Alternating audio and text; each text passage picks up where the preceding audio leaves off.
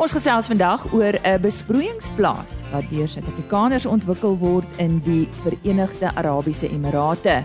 Dan het 'n Franse koöperasie onlangs Suid-Afrika besoek. Ons gesels met Wessel Lemmer van Agbus Grain hieroor en BKB vertel ons van hulle uitbreiding in die voormalige Transkei.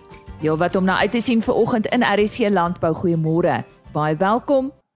'n Groep Franse landbouers van EMC, dis 'n koöperasie daar in Frankryk, het onlangs Suid-Afrika besoek. Hulle het onder meer 'n graanbergingsfasiliteit in Bronkhorstspruit besoek en ons was daar.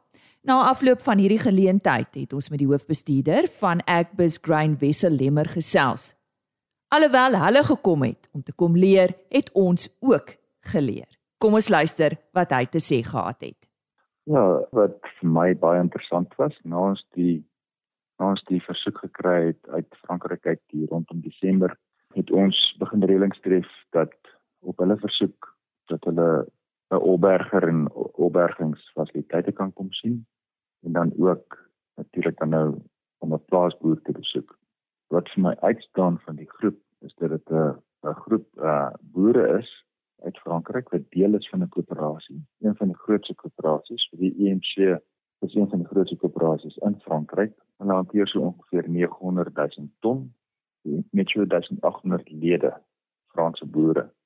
Dit gee vir julle die idee van die die omvang daarvan.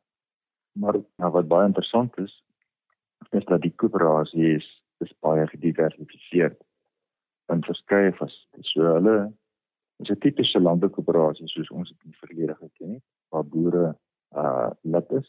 Hulle voorsien vir jou al jou insette, jou vervoer van jou produk onderhoud op op uh voertuie.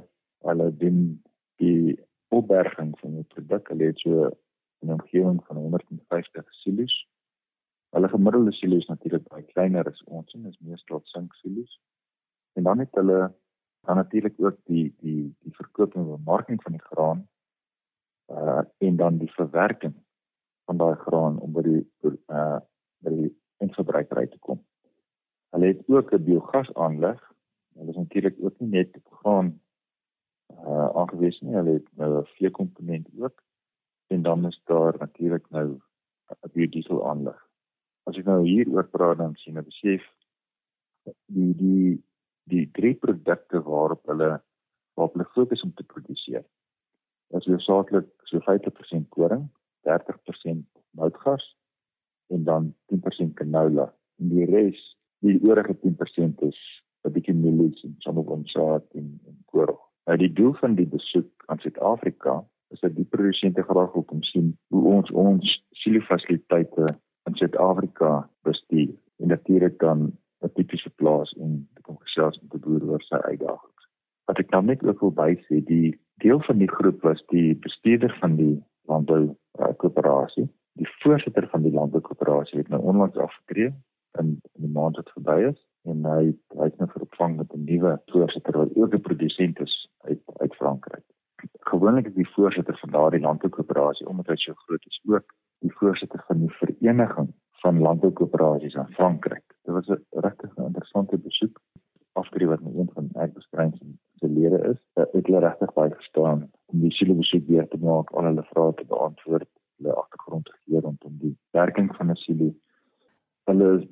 Tevrede. En een van die goed wat vir hulle regtig opgeval het, was die netheid en die skoonheid van ons silo's in Suid-Afrika die daardeur stop die afwesigheid van stof en stof is 'n groot probleem met so baie goeie deurligting in ons silo's. Net die netheid van die hele opset is was vir hulle natuurlik die omvang en die grootte daarvan. Wat vir my weer van belang was en wat vir my baie interessant was,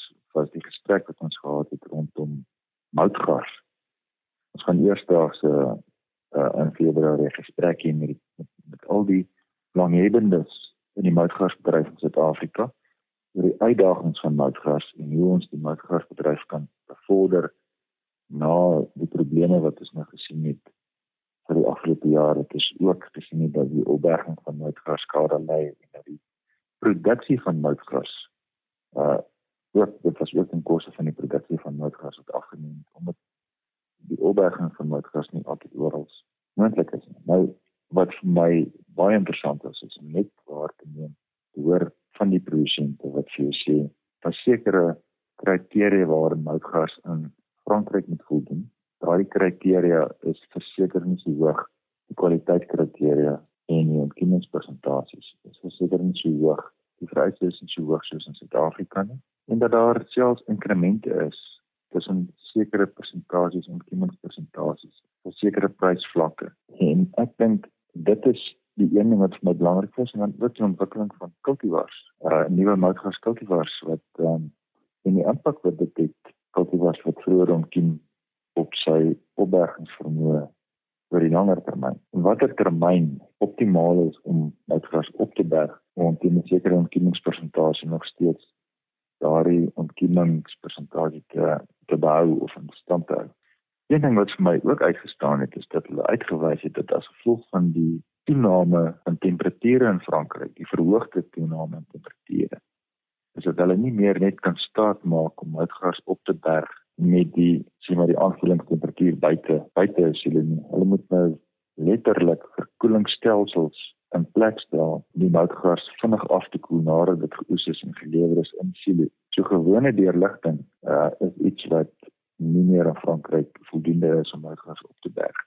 Met die feit dat hulle ontkiemingspersentasies, hulle minimum ontkiemingspersentasies heelwat laer is as wat die geval is in Suid-Afrika waar teen ons alreeds moutgas in hoë temperature inneem nadat dit gestroop word.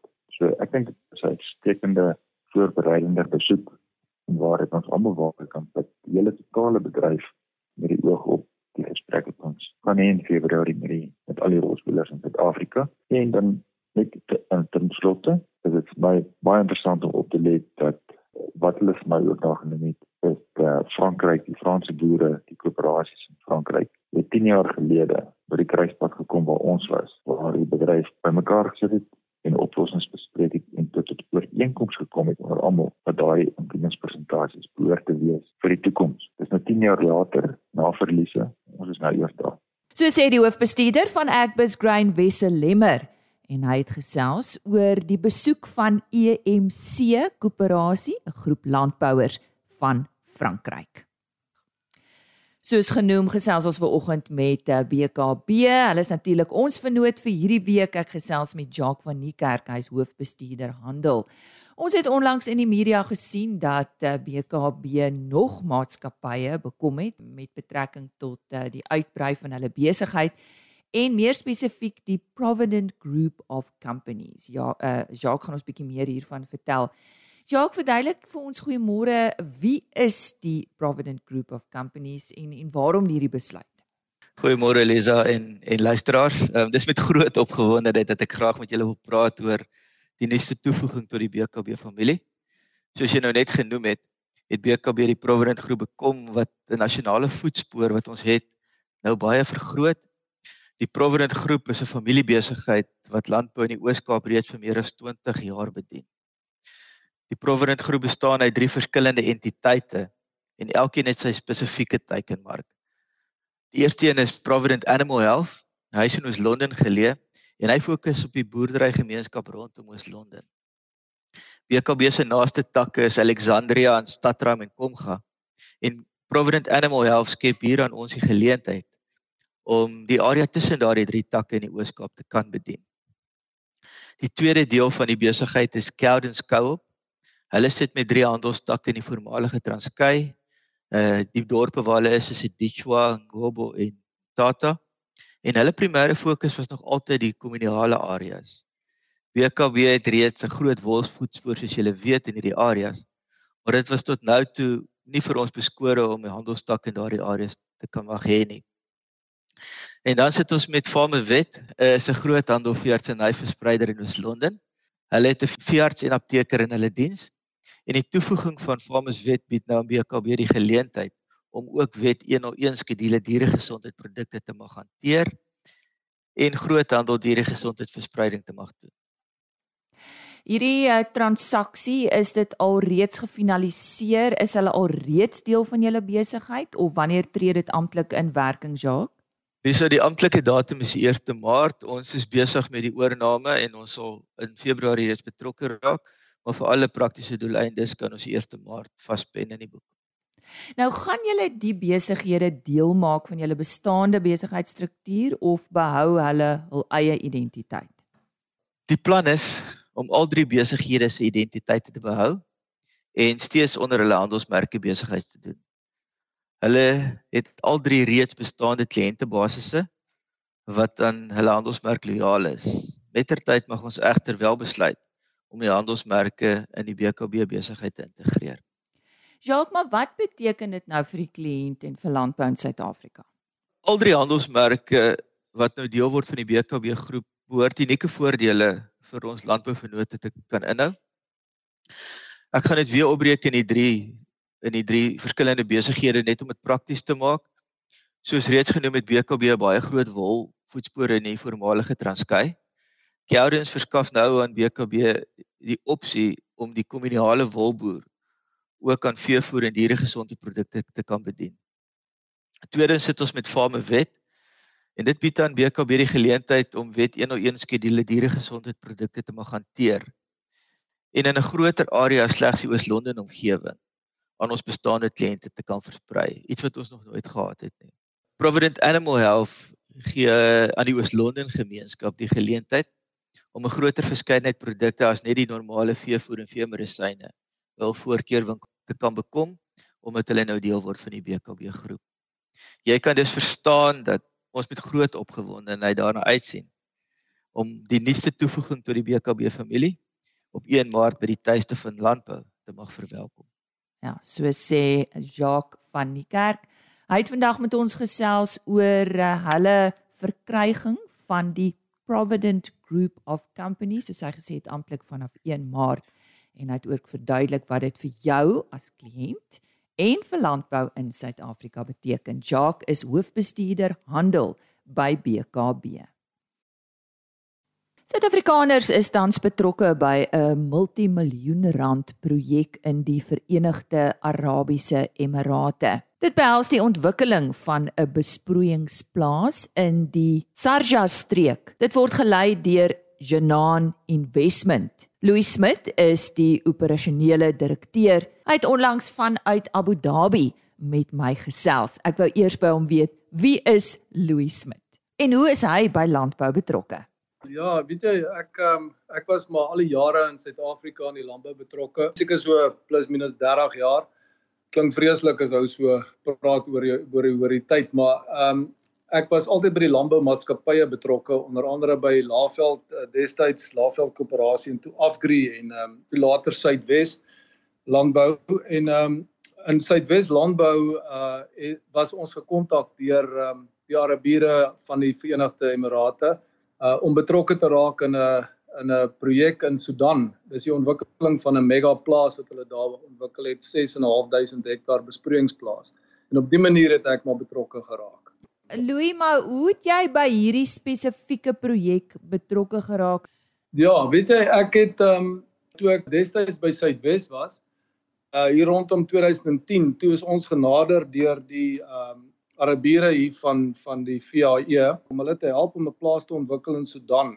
Dit was 'n fenominale projek 6.500 hektaar wat hulle daar in die Sahara woestyn wou ontwikkel het. Ons het hulle aanvanklik, jy weet, maar baie lanktand na die ding gekyk omdat mense nie regtig geglo het dit kan gebeur nie, maar nadat ons die projek gaan besoek het, het ons betrokke geraak. En ek het so vir 5 jaar lank was ek nou maar die skakel tussen Suidwes en en en die maatskappy hierdie kant Janan Investment. Toe so het een ding maar op 'n volgende ding gevolg en uh, ek het so 5 jaar later het ek toe vir hulle kom werk. Ek het toe besluit, jy weet, vir die laaste deel van my loopbaan sal ek graag oor see wil werk en dis hoe ek nou hier beland het. Deur wie word hierdie spesifieke projek befonds? Die Janan uh die die maatskappy waarvoor ek werk hier is het die projek uh, basies uitgevoer maar die projek word befonds deur een van die emirate wat uh genoem word Sharjah die emirate daar sewe emirate uh waarvan die bekendes is maar Abu Dhabi en Dubai. Uh die res is nou uh, meer onbekend maar Sharjah is een is die derde grootste emiraat in uh in die VAE en uh, hulle departement van landbou het besluit om hierdie projek te befonds wat dan uh, ons genader het omdat ons natuurlik nou die ervaring het in Afrika hmm. veral en in die Sahara woestyn om uh, projekte in die woestyn te ontwikkel en natuurlik soos ons almal weet die VAE is ook maar eintlik net een groot woestyn. Hoekom is dit in die eerste plek aangepak? Ja, dis nou interessant, né, want uh, soos ek sê dat die die VAE is 'n uh, landbouarm land. Met ander woorde, jy weet, ek dink ons gemiddelde is maar in die orde van 140 mm. Die hele land is is is bitter droog. Basies 95% plus van alle voedsel word ingevoer.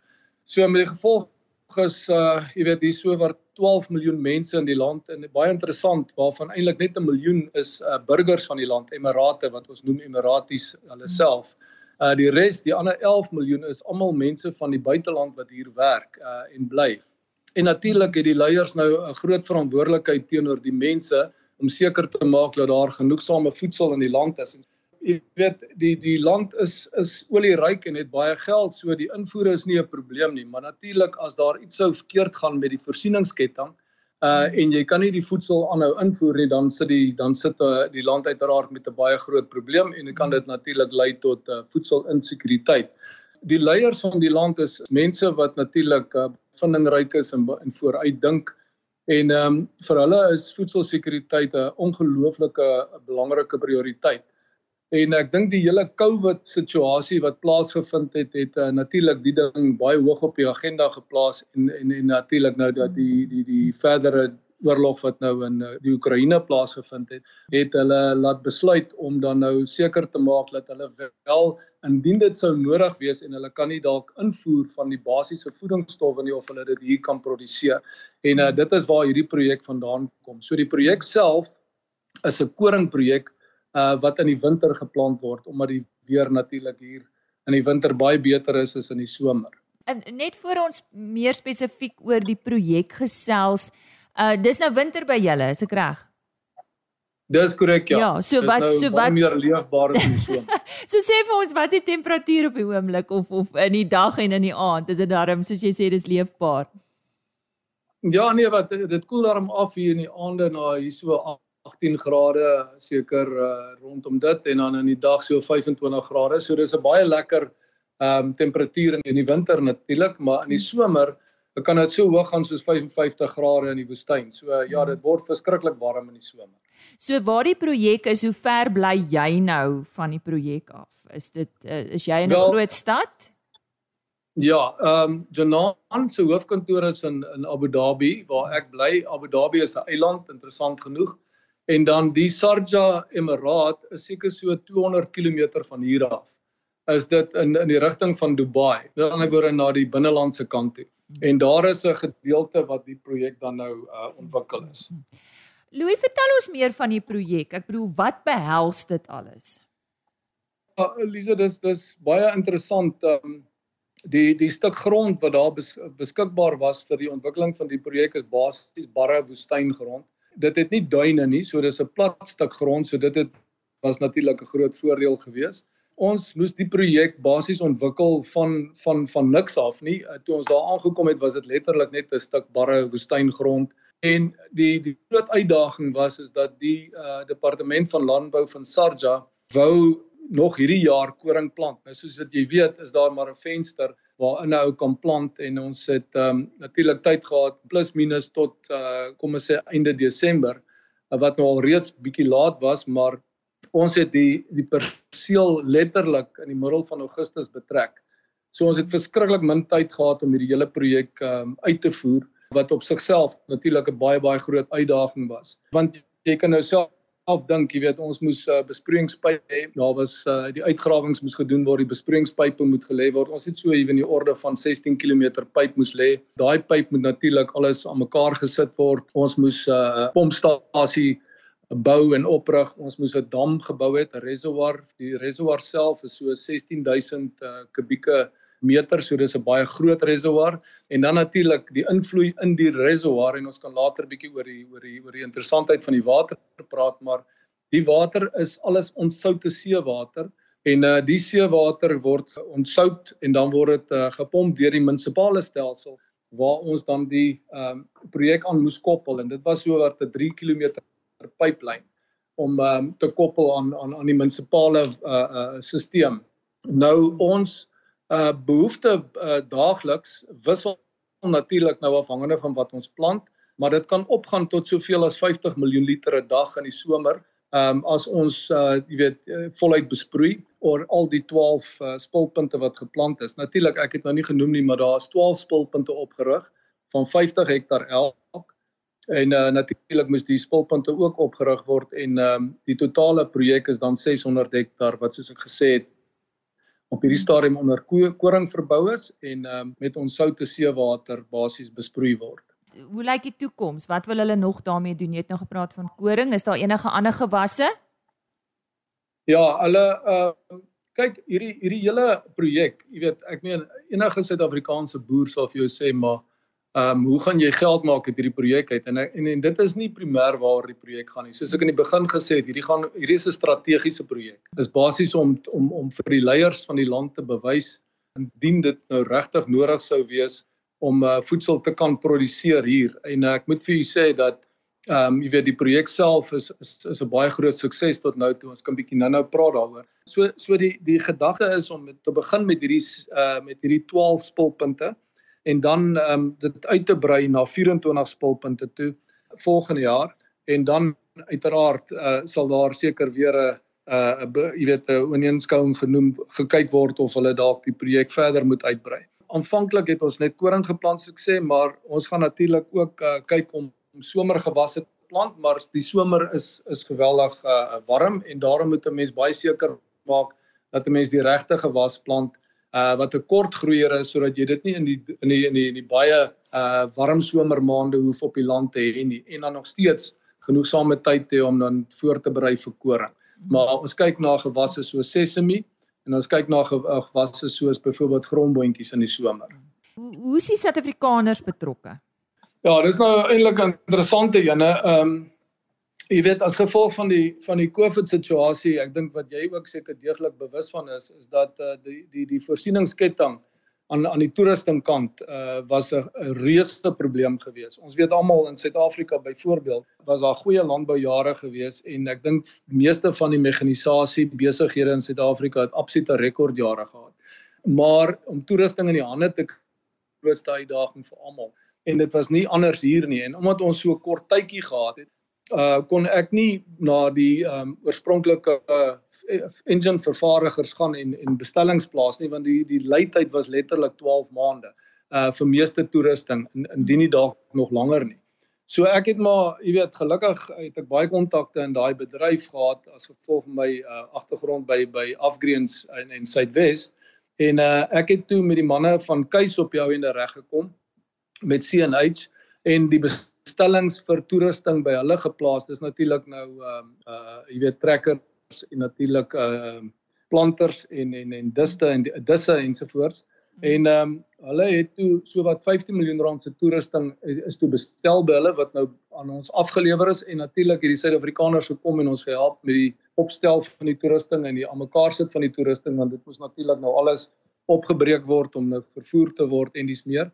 En dan moet ek ook sê dat die toerusting is van die die jongste tegnologie uh wat wat uh, almal natuurlik uh, bewus van is in in in deesdae aan die nuwe trekkers en en ehm um, hulle het ons gehelp en natuurlik opleiding gegee om seker te maak dat die mense wat die toerusting gaan gebruik vorentoe weet wat aangaan.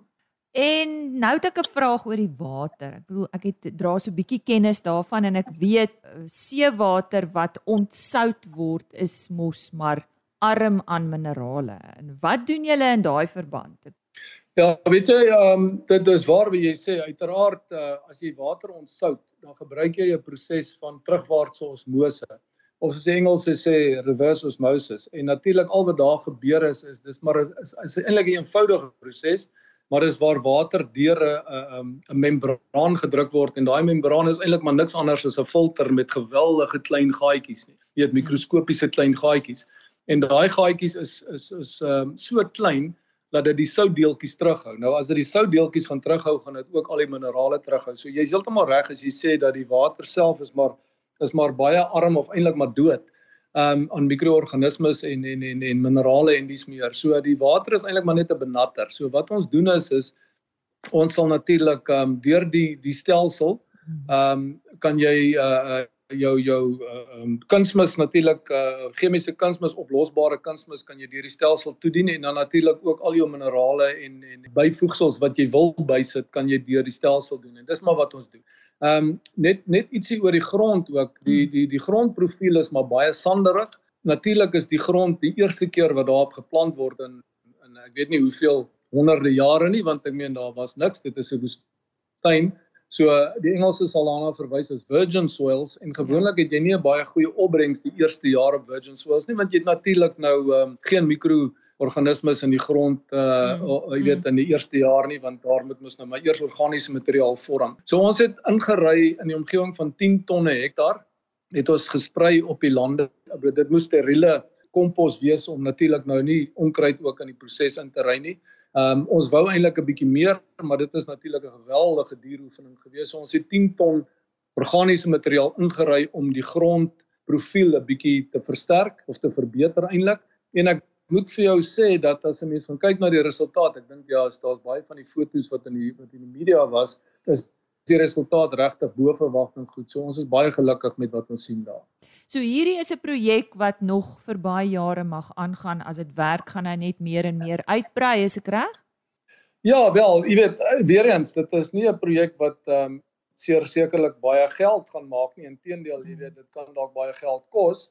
Ehm um, die somme wys dat ons op hierdie stadium so net nie net nie jy kan natuurlik nie net met koring ehm um, gelykbreek nie. Jy sal moet 'n somergewas ook plant en dan sal jy baie naby aan 'n gelykbreek kan kom. Maar sodra jy die water se werklike koste moet gaan bereken, dan natuurlik is dit 'n ander storie. Maar ek sê weer dit was dit dit is 'n strategiese rede. So ja, afhangende van hoe belangrik die leiers van die land dit sien, om hulle eie ehm um, gedeeltelik hulle eie voedsel te kan produseer en ek praat nou van basiese voedselsoorte dan sal hulle natuurlik besluit om die projek uit te brei. Maar tyd sal maar leer. Ons sal sien ehm um, definitief die 24 spulpunte die 12 nou en dan die volgende fase is reeds op die kaarte. Dit gaan volgende jaar of einde van die jaar plaasvind. So ja en van daarna sal volg sal mense sien. Natuurlik hier is baie grond beskikbaar. En ehm um, dis een ding wat nie 'n probleem is nie. Hier's baie uh son beskikbaar natuurlik dit ook nie 'n probleem nie en natuurlik water uh ironies genoeg is onbeperk want dit is seewater wat gebruik word. So ehm um, dit het natuurlik baie energie nodig om dan hierdie proses te uh ontsout of die water te ontsout maar energie ons almal weet hier's baie gas en baie olie so dit is ook nie 'n groot probleem nie. Dit gaan maar suiwer net oor die kostes en of hulle bereid is om die duur koring te produseer wat hulle op die oomblik hier produseer. Louis baie baie dankie. Ek moet dan vir die luisteraars sê voor ek en jy met hierdie opname begin het, het Louis vir my vertel hy bly al talle jare in uh, daardie deel van die wêreld. Ek wil dan net een ding by jou weet. Verlang jy nie huis toe nie? Ai, dit is maar altyd 'n 'n ding wat hoog op die agenda is en my my vrou is. Ja, ja, ons verlang huis toe en ons beplan om ook nie baie meer langer en dan gaan ja. ons ook terugkom Suid-Afrika. En braai julle darm daar? Elke Vrydag en elke Saterdag. En ons het baie Suid-Afrikaanse vriende. Ons my vrou praat nou minder Engels as sy gepraat het by die huis om eerlik mee nou te wees. Nou. En so gesels Louis Smit. Hy is operasionele direkteur van Genaan Investment en hy het vandag met ons gesels oor 'n multimiljoen rand besproeiingsplaas wat daar in die Sharjah streek ontwikkel word in die Verenigde Arabiese Emirate danksy die toerusting en die kundigheid van Suid-Afrika. Ek moet haar groet. Dankie vir jou tyd. RSG Landbou by plaasmedia.co.za. Dit is ons e-posadres as jy dalk enige inligting benodig rsglandbou@plaasmedia.co.za. Totsiens. RSG Landbou is 'n Plaas Media produksie met regisseur en aanbieder Lize Roberts en tegniese ondersteuning deur Jolande Rooi.